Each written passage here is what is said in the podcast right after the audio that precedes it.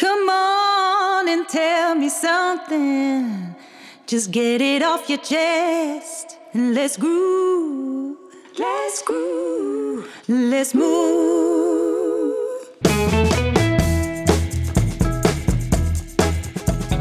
We zijn weer met de Tandersclub begonnen op Clubhouse. Nico Bezuur, eigenaar van congrescentrum De Hamermolen... en Ron Steenkis, Tanders Business Mentor. In principe elke vrijdagochtend om half negen. Ook dit winterseizoen willen we weer aandacht geven aan alle facetten van de tandheelkunde die ons bezighouden. En ieder is welkom om zich aan te sluiten op deze ochtenden. Heb je nog geen lidmaatschap van Clubhuis? Stuur een bericht naar mij. Ron Steenkist op LinkedIn. Dan maak ik dit voor je in orde.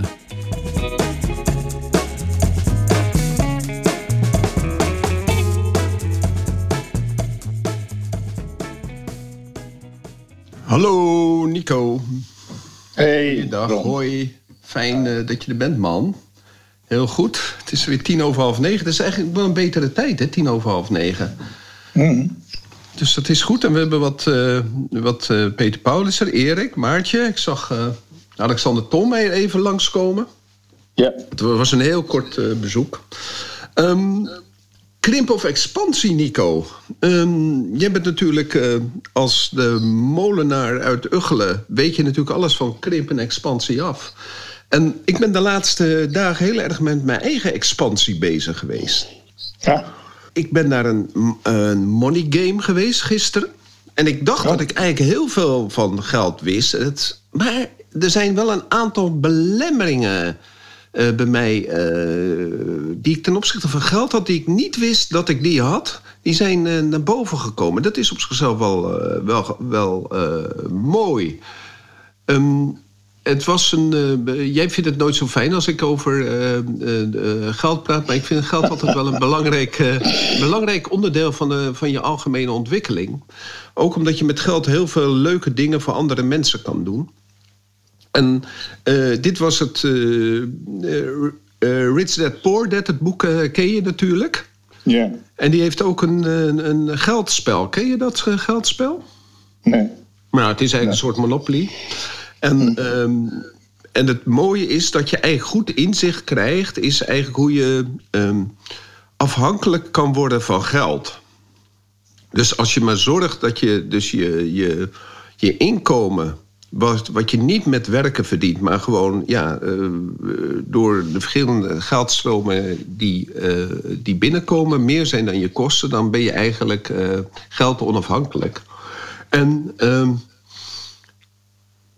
je zit dan, dan met zo'n groep in de zaal en er zitten allerlei mensen die hebben eh, hun, gedachten over, over, over geld en hun, hun, hun beperkingen over geld. En nou, je, je begint dat spel dus. En ik had me voorgenomen om dat eh, spel te winnen.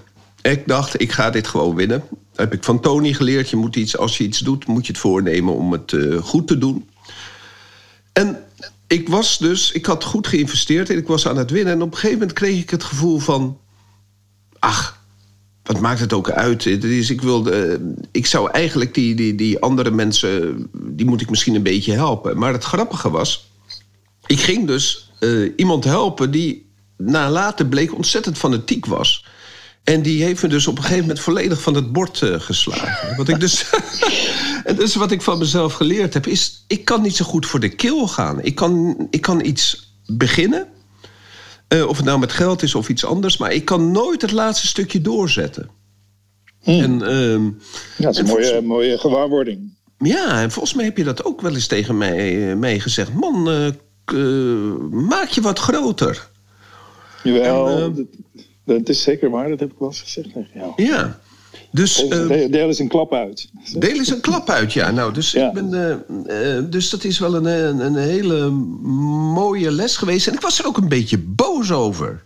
Dus ik denk, verdomme, ik had alles, sorry, ik had alles in handen. En gewoon door, ja, bleef ik gewoon in de goot. Ik ben er niet uitgekomen, ik bleef maar in de goot. Dus eh, ik bleef in de red race van de rondjes draaien.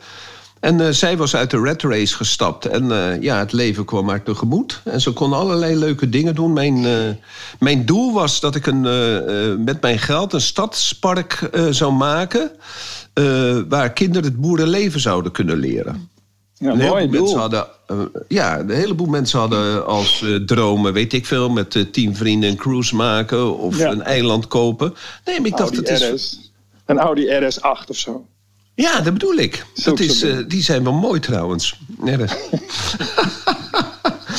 Ehm, maar die. Ja. ehm, ja, dus ik dacht, ik dacht van jeetje, ik heb het dus. Door mijn stommiteit ben ik er dus, eh, heb ik dus voor gezorgd dat die, eh, dat die winnaar wel naar een eh, droomeiland kon. En dat de kinderen in de stad niet hebben kunnen farmen. Kijk, de vraag die nu gesteld dient te worden... Oké, wil je hem Is- stellen, Nico? Ja, dat is natuurlijk... Waar in je gewone leven heeft dit ook een rol gespeeld? Nou, het speelt Ja. nu al een rol, hè? Oh, ja. Kijk, de, de- Ja, nou ja, kijk, eh, eh, dus die, die vraag stel je, omdat je op, als je op het moment van een ontdekking, hè, je hebt dus nu een ontdekking, dat je denkt, eh, nou, ik, ik ga dus niet voor de kill. En het, ik, ik herken dit in mijzelf. Hè, dus dat is, die vraag ben je eigenlijk al aan het beantwoorden, want je zei al, Nico, ja, je hebt het ook wel eens gezegd. Dus dan ga je, dan moet je dus, dan ga je dus de pijn opzoeken van het niet veranderen. Wat ook past bij ons onderwerp, toch? Hè? Krimpen, eh, krimpen is of het onderwerp, denk ik. Ja, dat is het onderwerp dat je die pijn opzoekt. Dat je denkt, wat heb ik nou eigenlijk... eh, heb ik ook dingen laten liggen? Of zijn er van die dingen die bij mij toch blijven vreten... omdat ik niet voor mezelf ben opgekomen? Weet je wel? ja. Ik, weet nog, die, die, die, die oude man die je vroeger in je bestuur had. Weet je dat nog? Schutenhelm. Oh, joh, joh. Wat was je boos op die man? Was die, Ja. Eerst bleek het je vriend en later dacht je... Hoe kan ik nou tegen die man opstaan? Weet je wel? Weet je dat nog? Ik weet dat Ja, nog ja. Dat, wa- dat was de oude NOS-voorzitter. Die, Ja. bij ons in het, eh, die opeens in het gezondheidscentrum. En wij waren een onderdeel van het gezondheidscentrum. Niet een echt onderdeel. Maar we, Ja. we maakten gebruik van eh, het gebouw van het gezondheidscentrum.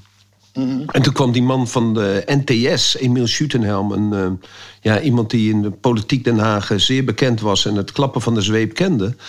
En wat hij in, meteen in het begin vertelde... Ron, laat ik je een wijze les leren. Ja, ja. Als je ergens een notulen hebt, zorg ervoor dat je zelf de notulen opstelt. Want de, de rechter is het enige, het enige waar hij naar kijkt, is wat vastgelegd is en wat in de notulen staat. En op een gegeven moment moesten wij onderhandelen met die man. En samen met collega Hans Richter. En die zou daarna een half jaar op sabbatical gaan. En we hadden dit laatste gesprek met hem op de vergadering. En hij gaf op alles toe. Hij zei, ja, dus zo gaan we het doen en zo gaan we het doen. En we, eh, we gingen een groot gebouw bouwen. En, eh, en ik kreeg de notulen onder handen. En er stond helemaal niks in wat wij gezegd hebben. Alleen maar, eh, zelfs de dingen die hij niet gezegd had... had gewoon een hele eigen notulen gefabriceerd. Ja. En, ik, en toen dacht ik, ik was een jaar of dertig... dat ik denk, hoe kan dat nou? Hoe kan dit nou? Hoe kan iemand zo gemeen zijn? En dat is, was wel eigenlijk mijn eerste kennismaking met de grote wereld. Maar het, ik kon die man niet Emiel noemen. Dat was een belemmering voor mij om dat tegen hem te zeggen... want het was toch een keurige man. Ja. En terug naar het heden. Wat ga je er nou mee doen? Met deze ontdekking? Oh, ik dacht, je gaat nog even vertel- iets verder met die oom Emiel. eh. Maar nee, ehm, nee, dan blijven we bij. Nee, het is, het is, een mooi voorbeeld. Omdat het komt opeens bij mij oppoppen. Ja. Maar ehm, kijk, we hebben natuurlijk allemaal dit soort van dingen dat je terugkijkt. En dat je denkt, ja, dat had, had ook een wending kunnen nemen of zo. Dat had ook anders kunnen gaan. Hoe interessant, soms ben je zo nieuwsgierig hoe dat dan ook zou hebben kunnen gaan, gaan rollen. Weet je wel? Ik zie er bijvoorbeeld, ik zie Erik zit bijvoorbeeld in de zaal, die is al heel lang bezig met een stukje land of zo. ja. En het gaat maar door en het gaat maar door. Weet je? Dat is, en dan denk je op een gegeven moment, ja, ondertussen is die. eh, eh, soms dan denk je wel eens, dat heb ik zelf ook wel, dat, ik, dat je iets niet doet. Dat je eigenlijk iets zelfdestructiefs doet, hè, waardoor je dus die ontwikkeling niet instapt. Dus je, Ja. je, doet gewoon eigenlijk niet wat je zou moeten doen. En dan kun je jezelf voor je kop slaan. Maar als je dan dieper onderzoekt, dan, dan kan het wel eens zo zijn dat je ook dat je niet naar de. Je wil ergens niet naartoe, maar wat is het dan wat het weerhoudt? En dat zijn natuurlijk de echte winnaars. Die, ja, je denkt dan altijd een echte winnaar zet ongelooflijk door, is een killer. Eh, maar het doet ook onderzoek en reflectie en introspectie. Dat zijn allemaal dingen die- waar we weinig op geleerd hebben. Maar dat speelt ook een rol. Dus Nee, dat is de- waar. Dat is. Ja. Want de introspectie is belangrijk. En het is natuurlijk wel zo, als je eraan toe bent, hè, dan ga je er ook in. En eh, het, eh, de yes buts, die ik ook wel ken van de verbouwing van mijn eh, praktijk. Ehm, over die Emile Schuttenhelm nog even terug te komen. Die man had echt een prachtig ontwerp gemaakt om op kosten van de gemeenschap en de, de, de, eh, de ABP-projectontwikkelaar om het gezondheidscentrum een soort hockeystick te zetten naast het metrogebouw. En op het Ja. eind heb ik gezegd: ik doe niet mee, Emiel, want je luistert niet naar mij. Maar toen, anders hadden we in 1993 een ongelooflijk groot tandheelkundig centrum gehad. Ja. En dus daar, daar zit ook daar, eh, daar denk ik wel eens aan. Als ik langs die plek loop, denk ik: shit, wat heeft mij toen tegengehouden om niet ja te zeggen tegen die man? Ja, ja. Ik weet het nog wel. Wat, he- wat is Ja. dat toen geweest?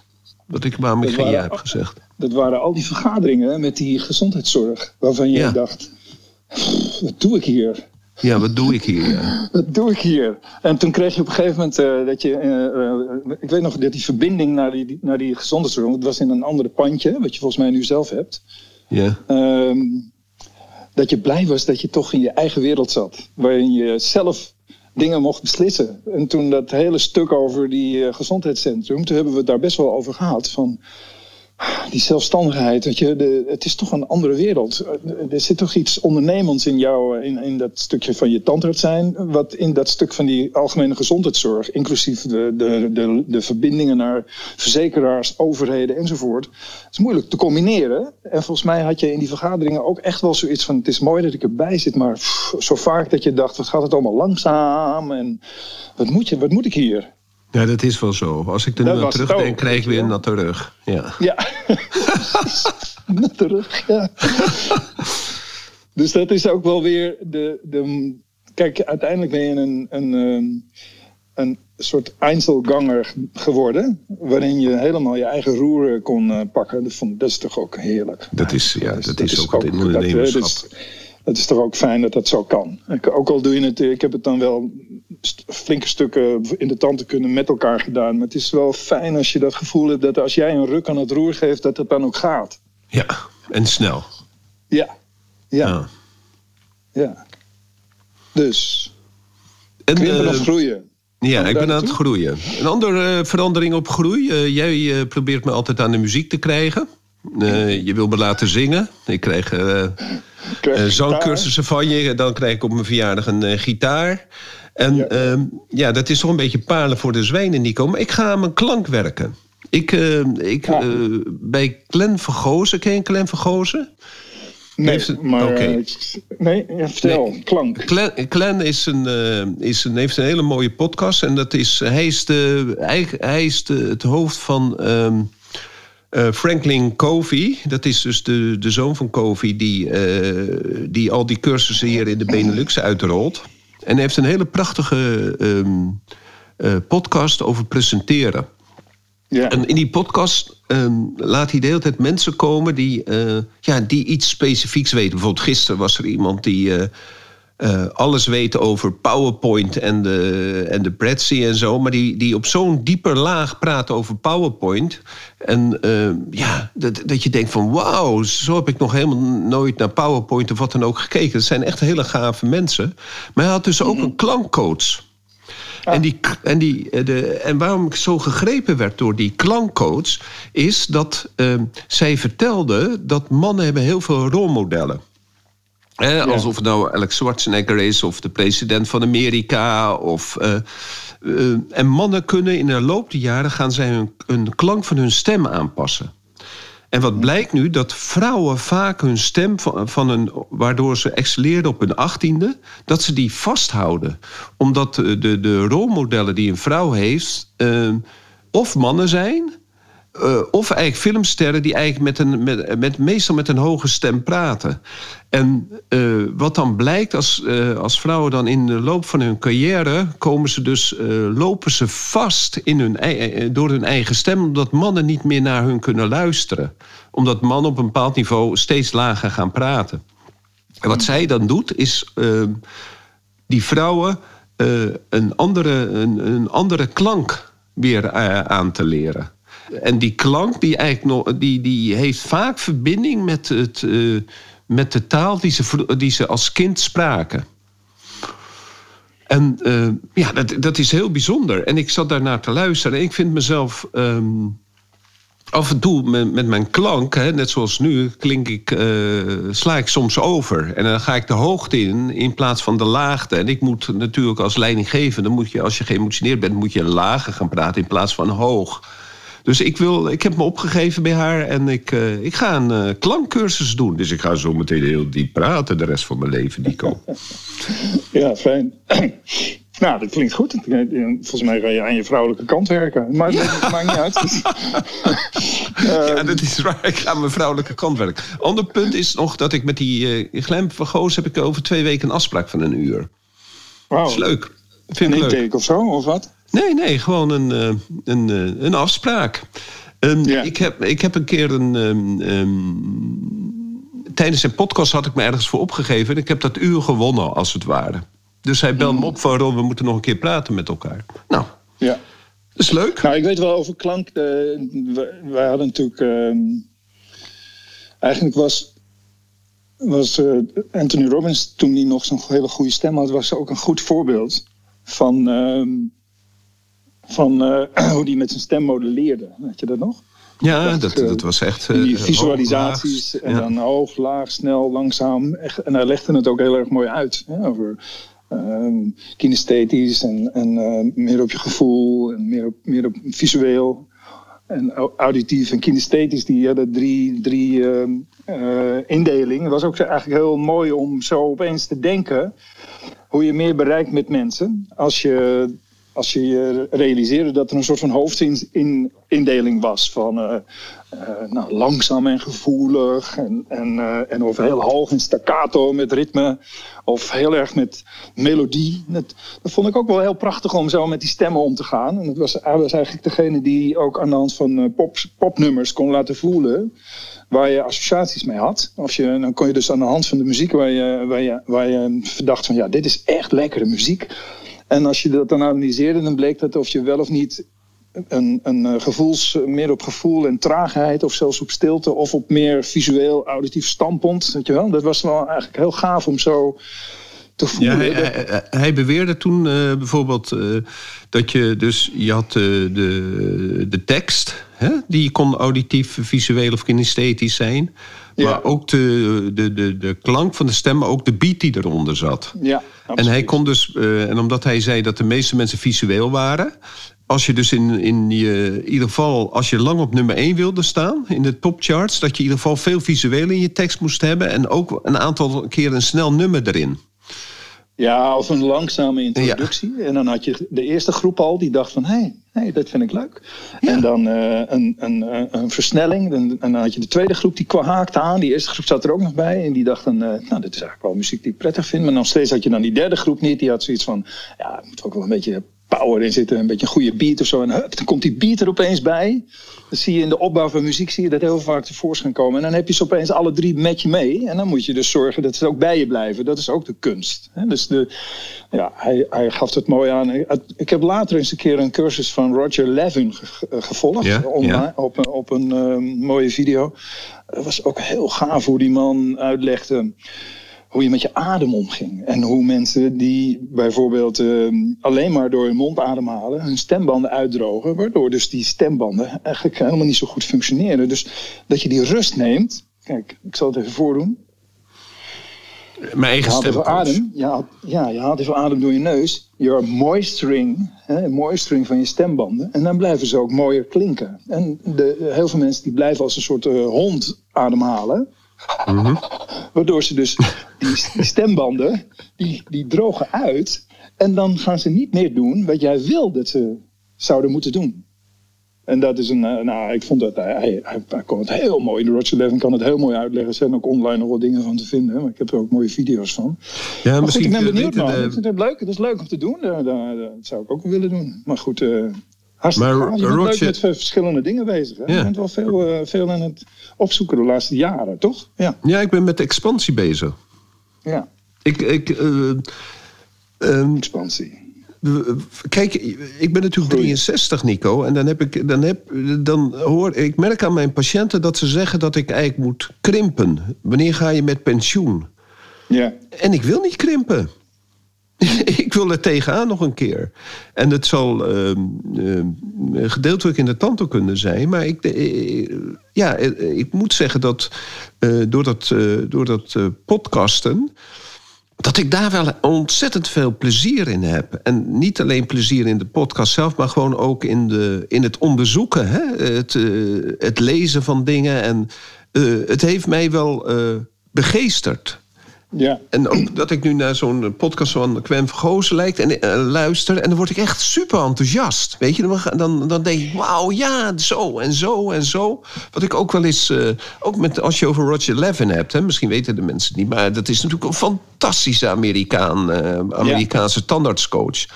En um, ik heb al zijn klappers, want hij, hij heeft boeken geschreven, maar eigenlijk zijn zijn grote dingen zijn klappers. En ik heb zijn cassettes en zijn videobanden nog, ook hier achter me staan.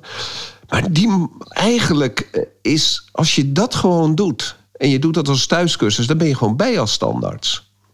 Ja. Het is eigenlijk allemaal niet zo heel moeilijk, hè? En zo had ik, nou, ja, soms vraag ik me wel eens, is er nog iets nieuws gebeurd deze week? Ik heb, deze week kreeg ik een soort, de, de nieuwe bijbel binnen van Pascal Manje. Oh ja, die is uit, hè? Wat een boek, man. Die stop je niet eens in je tas. Dat is gewoon niet te tillen. Prachtige uitvoering, ongelooflijk mooie foto's. En dan denk ik, oh jongens, wat is het toch, wat is het toch makkelijk om gewoon een rolmodel te bestellen. Ja. en je bent gewoon weer, weer oh, je bent gewoon bij, hè? Het is gewoon niet te geloven. En je bladert er eerst even bladeren, weet je, snel lezen, toch? Ja, eerst ja. even bladeren. Ja, de plaatjes kijken, dat mag hè, bij ja, hem in zijn boek. Wow, man. Plaatjes kijken, maar wat een foto's, jongen. Potverdorie. En meteen dat je denkt, hè, hoe doet hij dat? Dat, dat, dat doe ik anders, weet je wel. en dan... Uh, dus meteen leren. En dus, ja, nee, ik, snap wel dat je. Eigenlijk realiseer je. Maar goed, dan, de, ik ben benieuwd hoe we nou op de rode draad. ook voor de tandartsen van dit onderwerp uitkomen. Want er zitten toch een paar mensen echt te wachten nu van. Uh, hoe moet ik nou mijn praktijk verbouwen? Maar uh, ik denk wel dat. Eigenlijk geef je dus aan hoeveel verschillende facetten er zijn. Of elementen of dingen van jezelf waar je aan hebt te werken zodat als het bij elkaar komt, dat je nog meer kracht hebt om bijvoorbeeld een verandering voor elkaar te krijgen. Toch? Is dat niet zo dat je dat ook zegt? Ja, je, de, ja, je zegt het goed, Nico. Want ja, uh, je hebt natuurlijk. Uh, elke keer heb je natuurlijk de keuze van wat je gaat doen. Maar je weet ook dat je gewoon uh, vastzit aan uh, constant and never ending improvement. Ja. En uh, als jij het hebt over manje, dan is dat. En je leest dat boek, dan ben je zo bezig aan improvement van hoe je het doet. Want je ziet gewoon alle dingen waar je niet aan gedacht hebt. En waar je eigenlijk ja. aan had moeten denken. En uh, ja, op dat moment ben je met groei bezig. En dat is ook zo natuurlijk van... Die, die tantekunde die maakt natuurlijk wel een hele grote stap. Hè? Je hebt natuurlijk het functionele en het cosmetische. Wij zijn ja. natuurlijk heel erg functioneel opge, opgegroeid. Uh, opge, opgeleid. En dat functionele, dat, uh, uh, dat is natuurlijk de, de, de tantekunde waar, we, waar je gewoon bezig mee kan zijn. Maar dat is niet de tantekunde waar het publiek om vraagt. En het is eigenlijk ook niet meer de tantekunde waar wij, of voor het grootste gedeelte, heel blij van worden.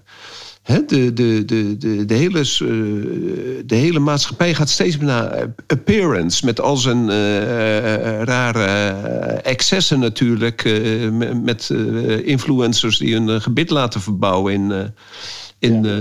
in, in Turkije. Maar het zijn wel de mensen die ervoor zorgen natuurlijk... dat het voor ons steeds makkelijker wordt om mensen mooier te maken... mensen zich beter te laten voelen. Want het blijft natuurlijk wel apart. Hè? Dat, uh, dat we zo te hoop lopen tegen dat mensen veneers nemen. En dat we eigenlijk helemaal geen problemen uh, tegen, die, uh, tegen de orthodontie. Hè? Al die mooie frontodontics.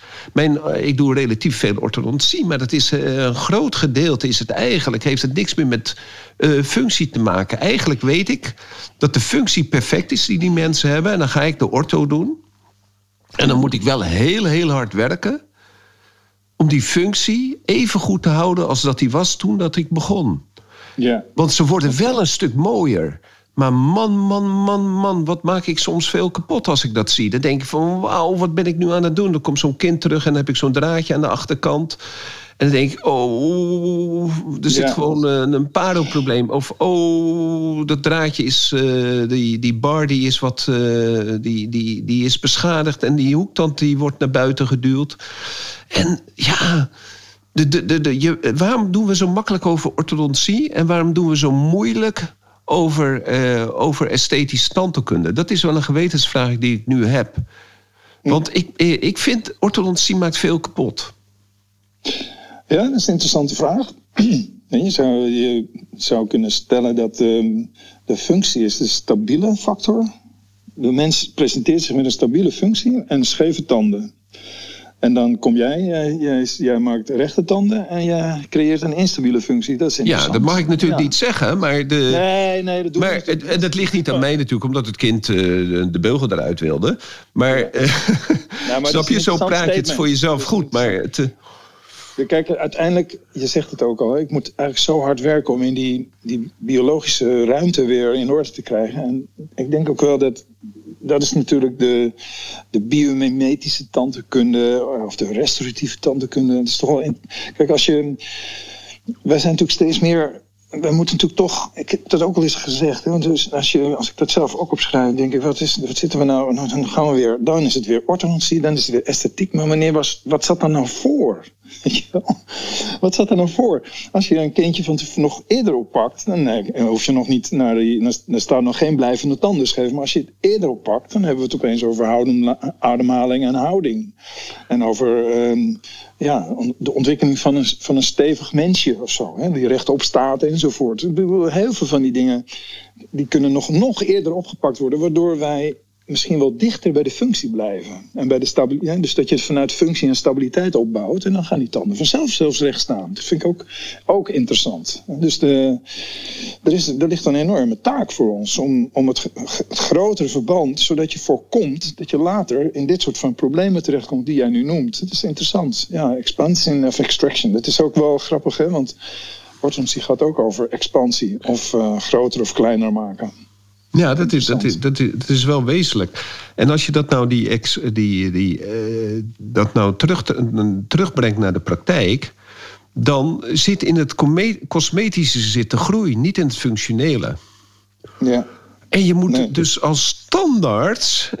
ik ben daar echt aan, over na aan het denken... van ehm, in hoeverre wij, ben je bezig nog met de, met de eet die je gedaan hebt, hè?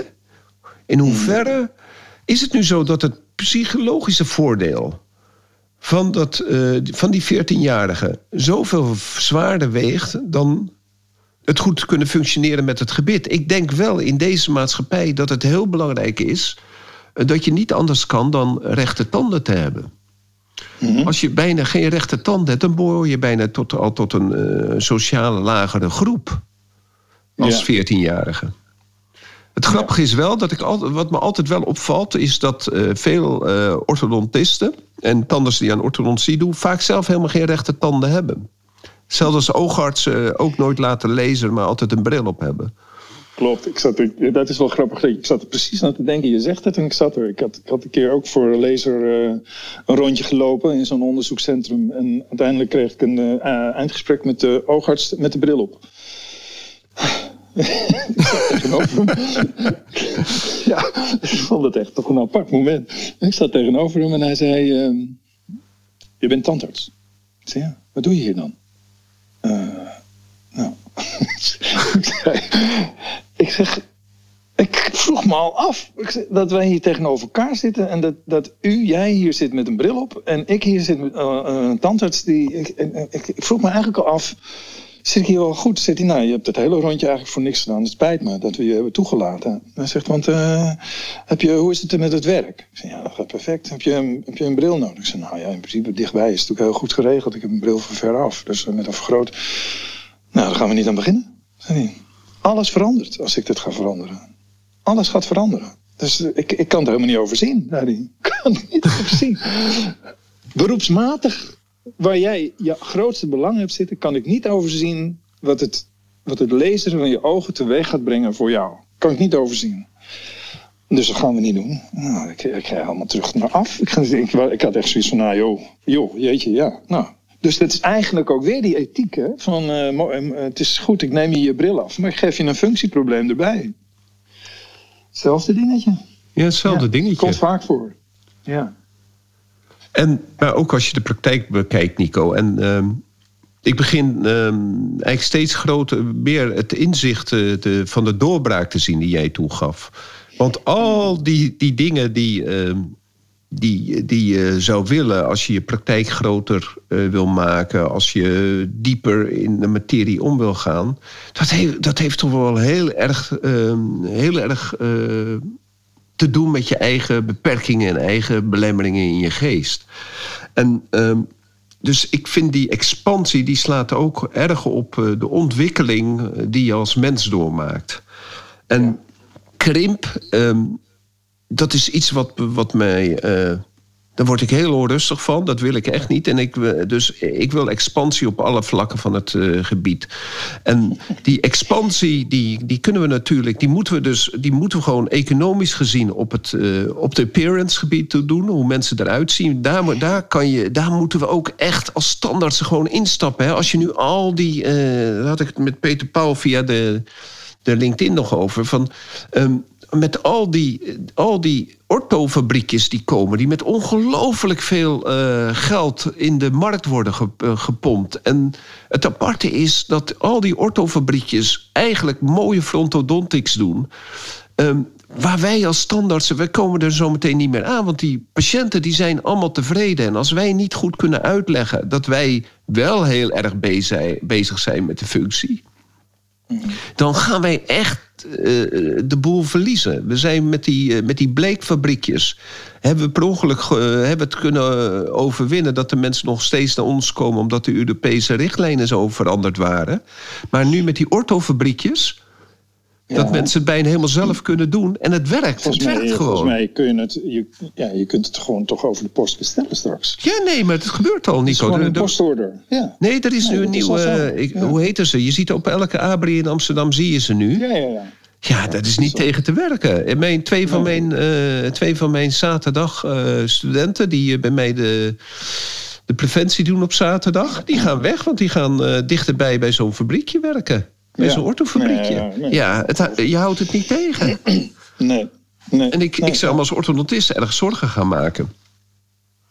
Ah ja, dus dat, ja, dus gaat Want, ook, stuk, nou, want hoeveel functie hebben zij wat zij behandelen? Ja, dus daarom is de... Je zult continu in moeten haken op het, eh, de, het aspect van het, het, echte grote overzicht. Als je slechts een deel verandert, dat het zoveel effect heeft op allerlei andere elementen van een totale balans. Dus ja, maar ik ben het met je eens. Uh, ja, mensen kopen stripjes voor, om te bleken. Ze, kopen, ze krijgen die Invisalign dingetjes. Wat, alle varianten daarvan krijgen ze over de post opgestuurd. En kijken eens hoe makkelijk het is. En de influencers doen het gewoon en dan gebeurt het weer. Eens. Maar ja, zo is, dat is de ontwikkeling. En dan elke keer moet je in dit dynamische mijnen- en krachtenveld moet je je plek blijven vinden. En zelf gewoon prachtig en, en gedegen je werk blijven doen. En, maar we hebben dus ook een flink wat boodschappen uit te zenden om je beroep, je, de, de schoonheid en de inhoud van je vak veilig te stellen. Dat we niet uitgehold worden. En dus continu achter de feiten aanlopen. Want dat hadden we toch ook wel met al die. Vroeger hadden we de goedkope lijntjes. Hè? Mensen stapten in het vliegtuig naar Turkije. Uh, dus de. Kijk, uh, Roelvink die heeft het misschien gedaan. Maar die heeft er misschien zelfs nog wel flink voor betaald. Maar er waren ook heel veel van die goedkope lijntjes. En dan kwamen mensen terug en hadden wij de dat wij het nakijken. Maar ook dat we vooral ervoor moesten zorgen, omdat het overal eronder niet goed zat. En uh, ja, jeetje, wat een ellende voor de rest van je leven. Dus de, je hebt een behoorlijk wat te beschermen. Maar de, ik zat nog eventjes te denken, want je noemde dan die, die doorbraak. En ik geloof inderdaad dat, dat um, uh, dingen oplossen kunnen niet door het oude brein worden opgelost. Die maakt steeds weer hetzelfde. Dat is een van mijn uitgangspunten altijd geweest. Ja. Dus in de, in de expansie of in de groei buiten je comfortzone. De comfortzone is eigenlijk de schil of de, de, de harde kern die door je oude brein wordt neergelegd van als je dus niet daar voorbij, niet logisch, niet handig, klopt niet. En dat oude brein maakt er ook een heel, heel logisch verhaal van. Dus doen we dat. Dat gaan we niet doen. En dan, eh, dan, dan blijf je dus doen wat je altijd deed. Maar het wordt misschien wat groter. Maar je onderzoekt eigenlijk niet wat je echt moet. Net zo goed als je overtuiging. Hè? Bijvoorbeeld, ik hoor jou ook zeggen... ik wil niet krimpen. Dan denk ik, nou, dat, ja, ik, daar word ik dan door uitgedaagd als iemand dat zegt. Hè? Ik wil niet krimpen. Dan denk ik, nou, krimpen. Als je wat ouder bent, is het eigenlijk wel gaaf. Dat zie je, eh, zo zie ik dat ook in de tantekunde. Opgaan, blinken en weer, weer kleiner is dat je eh, nou, op een gegeven moment, dat hebben wij toch allemaal gehad erom, dat je gewoon een hele productieve fase had, allemaal stoelen, overal, hup, hup, hup, hup, weet je wel. En dan langzaam zeker denk je, ja, ja, maar gewoon die echte, weet je, die high-end dentistry, 1, 2, 3 patiënten op een dag. Even rustig terug naar, eh, dat ik ben er en laat die rest maar hard, hard lopen. Maar ik doe gewoon heel uh, ja, geavanceerd, heel rustig, een beetje zen kunnen. Maar ik ben hier ook nog. En dus dat, dat, dat maar dat is geen krimpen, nou, dat is groei in mijn ogen. Ja, dat is groei. Dus dat, uh, ja, maar als, jij, als jij dan zegt ik wil niet krimpen, dan denk ik ja, maar dat is, dat, het lijkt op krimpen, maar het is eigenlijk blinken. Ik wil blinken, niet krimpen. Nee. Nee, het want eh, het punt is namelijk, als je um, twee of drie patiënten per dag doet, dan ben je gewoon op het toppunt van je eigen kunnen bezig, neem ik aan. Maar dat je ook een omgeving gecreëerd hebt waar je jezelf prettig voelt en waar de, uh, waar de patiënt zich prettig voelt. En dan ben je gewoon gegroeid. Dan ben je niet als. Kijk, die, die functietantokunde, en dan heb ik het niet over de gecompliceerde zaken, maar over de gewoon de. Ja, de tandheelkunde waar je eigenlijk wordt begrensd door de hoeveelheid die je handen kan doen in een uur. Ja. Dat is hele zware tandheelkunde. Als dat je omzet moet draaien met vullingen. Dat is echt heel hard werken. Maar dat vind ik krimp. En dan krimp je omdat je wat minder uren gaat werken. Nee, nee, dat is het niet. Je moet groeien, je moet jezelf ontwikkelen. En zo alleen al het boek van Manje bestellen, dat is al groei. Want je wordt dan op dat moment word je weer uitgedaagd. Ja, zeker. En dat, ik wil niet krimpen. Ik wil niet zeggen van ik weet alles al. Ik weet het al. Ik hoef die boeken niet meer te lezen. Ik hoef niet meer dat te doen. Ik hoef mezelf niet meer op de proef te stellen. Dat wil ik niet. Dat vind ik krimp. Ik, ik vind het tegenovergestelde van krimp is constant and never ending improvement of constant learning and growing. En ik wil gewoon constant learning and growing. En ik wil niet krimpen. Zo had ik, dat vind ik wel een interessante casus rond. Ik, had, ik heb uh, dan uh, iemand die mijn hulp vraagt. En uh, ik zie dan in de bouwtekening... Zit hij in de zaal? Nee, nou toevallig even weer niet. Ik zie dan in de bouwtekening uh, veel basisfouten zitten. Waardoor ik dus zeg... Ehm, nou goed, de tekening is niet geschikt voor productie. Doe je dat bewust of niet? dus dat betekent dat je geen achterlangs routes hebt. Niet die kern. Dus de, de, de, de ABC. De ABC, die route de achterlangs voor, nou, enzovoort. Dat die route erin zit, niet geschikt. Dus er worden units, er worden nog steeds, dan wordt er opeens ruimtegebrek wordt opgelost met kastjes tegen de muur. En, en dan heel veel ruimte voor een fotostudio eigenlijk gewoon midden in de, in de, in de receptie. Oh, wat zonde. Nou ja, nou ja, dat is interessant. Hè? Want nou, nou ja, maar ik, zeg dus dat, ik, ja. ja. ik begrijp wat je zegt, het is zonde. Dus dat, dat is zonde, hè? dus dat, dat klopt niet. En dus ik, ik pak dan een uh, overtrekpapier en ik zeg, nou, dit moet er eigenlijk in kunnen. En die fotostudie, die krijgen we wel, laten we eens kijken waar we die aan zetten. En dan, dus, nou ben ik dus, ik, ik zet dus zo'n praktijk, stel ik veilig op productie. En dan is mijn uitgangspunt, wat jij verder wilt, als je naar high-end toe wilt. Hè, dus dat je zegt, ja, maar dat wordt helemaal mij niet meer. Ik heb eigenlijk nog maar één, twee behandelkamers nodig, want doen wij doen alles high-end. Nou, dan heb je een beetje last met de tarievenstructuren hier, dus dat is, dat is toch lastig. Dus mijn uitgangspunt is, als je in de basis een praktijk niet geschikt is voor productie, dan heb je dus in de basis een, een probleem gecreëerd. Terwijl als je hem inricht op productie, kun je altijd naar high-end. Maar als je high-end uh, bouwt met allemaal dingen tegen de muur en geen goede routing dan kun je niet uh, op productie terugvallen en op ergonomie en op looplijnen enzovoort. Dus ik, ik zei tegen de betreffende, uh, dus ik, ik, denk dan, oké, nou moet ik, ook ik kan veranderen. ik kan ook veranderen als, als leermeester, als architect of als iemand helpen. Ik kan ook denken, oké, okay, goed, ik stap in jouw droom, maar ik heb wel de plicht om het te melden. Ik, ik zeg je gewoon, je maakt een fout voor de rest van je. Van het, eh, eigenlijk het verkeerde gebouw aangekocht, deel 1. Nou goed, hè, dus zo allemaal dingen. Dat je dus denkt, goed, nou dan moeten we naar de branding toe. Dus ik, nou ga ik het oplossen. Want Maar er wordt Nico, tegen mij gezegd, ik ga je adviezen niet opvolgen. Wacht even, Nico. Ik, eh, ik wil nog even aanvullen. Dan, mag, je- dan ben ik. Want eh, als je niet een praktijk maakt die goed is voor productie, dan is het ook bijna, en wordt het ook zo moeilijk om te coachen. Ja, Want productie heeft te maken dat de looplijnen kort zijn. Maar dan kan je dus Ja. ook heel makkelijk gecoacht worden of coaching geven. Ja, ik ben het helemaal met je eens. Misschien gebruik ik zelfs het verkeerde woord. Ik richt de praktijk in op al deze facetten, hè, inclusief de ontwikkeling naar een academy en een bovenetage. Het hele plan, eigenlijk zit het hele masterplan zou erin mogen zitten. Dus als ik alleen nu productie, maar goed, onder, onderin is het interessant. Als een, hè, dus, eh, dus misschien is het ook niet eens goed om het alleen productie te noemen. Denk je niet, Ron? Dus misschien nog te, dat is te kort. Dat doe ik mezelf tekort. Eigenlijk is het de meest rustgevende eh, oplossing om alle vormen van mooie tand te kunnen doen. Dus er is rust in huis. Je kunt heel zachtjes kun je in en uit. Je kunt achterlangs weg. Je kunt de patiënt, iedereen heeft zijn eigen route. Het klopt. Waardoor je dus, jij ook zegt, ik kan dus ook nu mensen coachen. Ik kan even binnenkomen in plaats van dat ik door de zone van de patiënt heen kom. Wat een onrust. Kun je heel zachtjes benaderen enzovoort. Nou, we kunnen het helemaal uitwerken. In feite weten we allemaal, er is een soort van basis ABC-indeling. Dan mag je eigenlijk, dat is de wet, dat is de Bijbel. Als man je nog een boek zou schrijven over de volgende wet, hoe ziet je praktijk eruit, dan is dat ook, weet je, ik kan er ook een heel boek over schrijven, maar het kan ook op een A4'tje. Hij moet voldoen daaraan. Doe je dat niet, dan denk ik echt, hoe kan ik nou, als ze nou in de basis al niet mijn adviezen opvolgen, moet ik dan nu terugtreden als adviseur? Ik denk ja.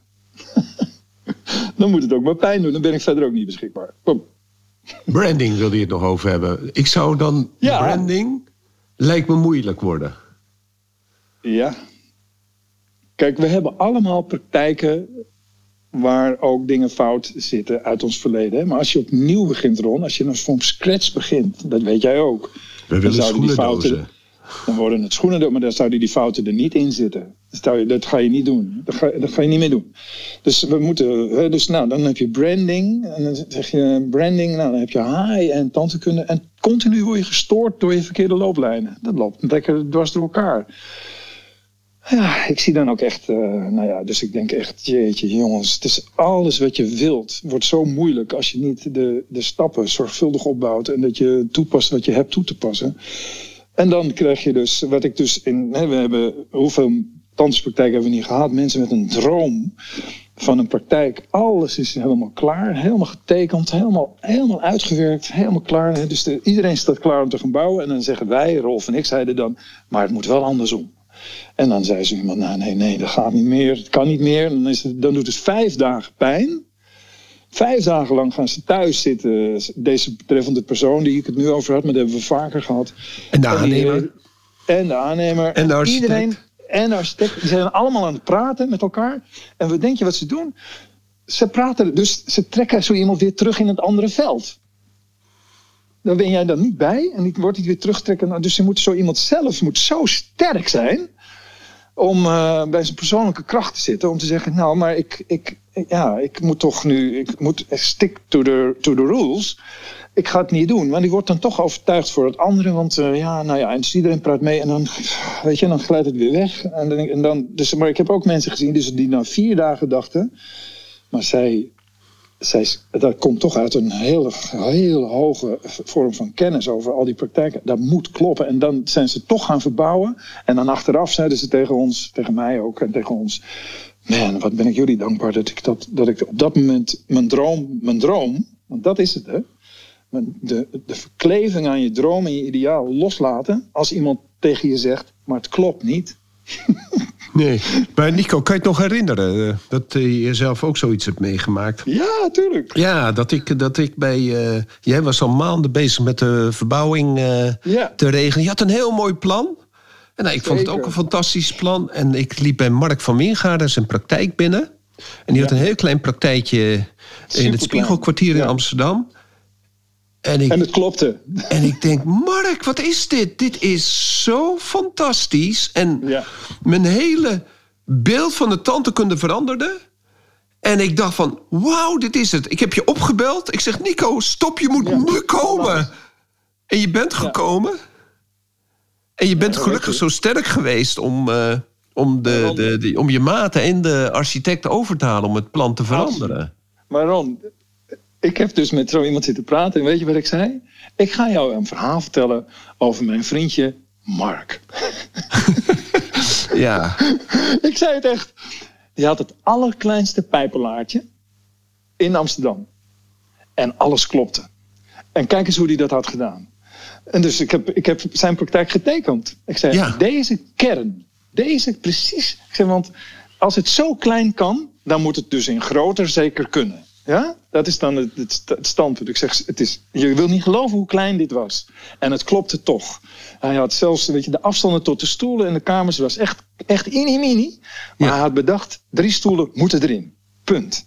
En ik moet achterlangs, punt. En, eh, en ik moet ook een bespreekruimte hebben, punt. Weet je wel? En, ik moet, en, en die lijnen mogen niet kruisen, punt. Maar de ruimte was misschien vijf meter of zo. Je? De, de, de, de, het smalle stuk.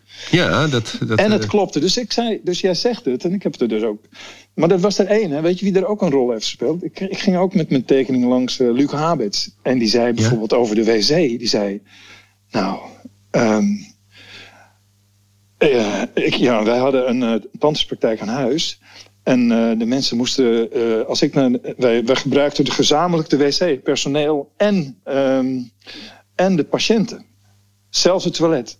Hij zegt, dat was het ergste wat er ooit in ons huis kon gebeuren.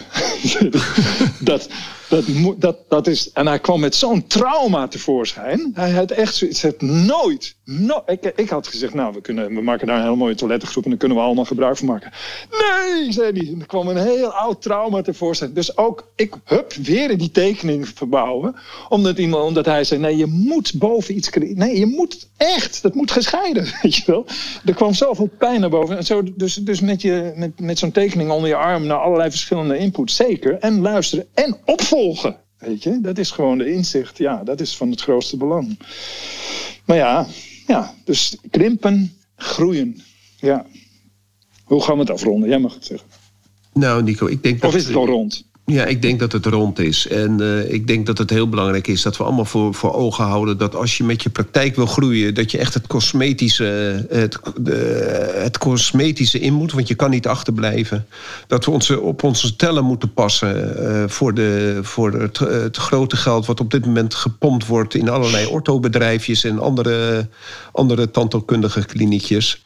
En dat je zelf moet blijven groeien en niet achteroverleunen. En uh, ervoor zorgen dat je up-to-date blijft. En, het, uh, en waardoor het vak ook ontzettend leuk, uh, leuk blijft.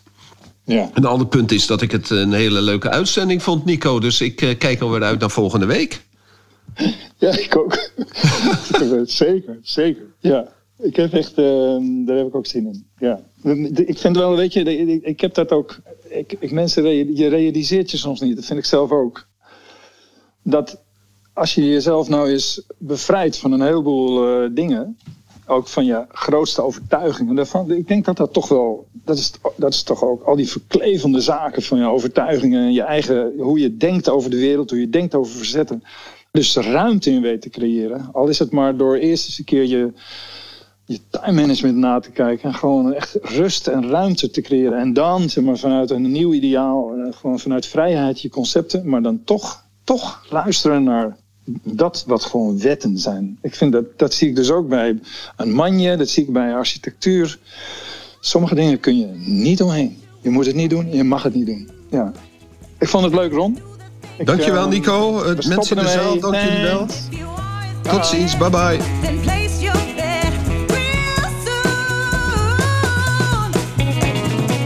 Super dat je weer luistert naar een aflevering van de Tandartsvrijheid en Meesterschap podcast. Ik zou het zeer op prijs stellen als je een review achter zou laten. Je kunt je ook abonneren op deze podcast. Klik dan in de podcast-app op de button subscribe en je ontvangt automatisch een berichtje bij een nieuwe aflevering. Ken je iemand die deze podcast ook leuk zou vinden? Deel deze dan. Via Spotify kan je dat heel simpel door op de drie puntjes te klikken en te delen. Je kan mij ook bereiken via mijn LinkedIn-account. Ik ben te vinden onder mijn naam Ron Steenkis. Nogmaals, dankjewel en tot de volgende keer.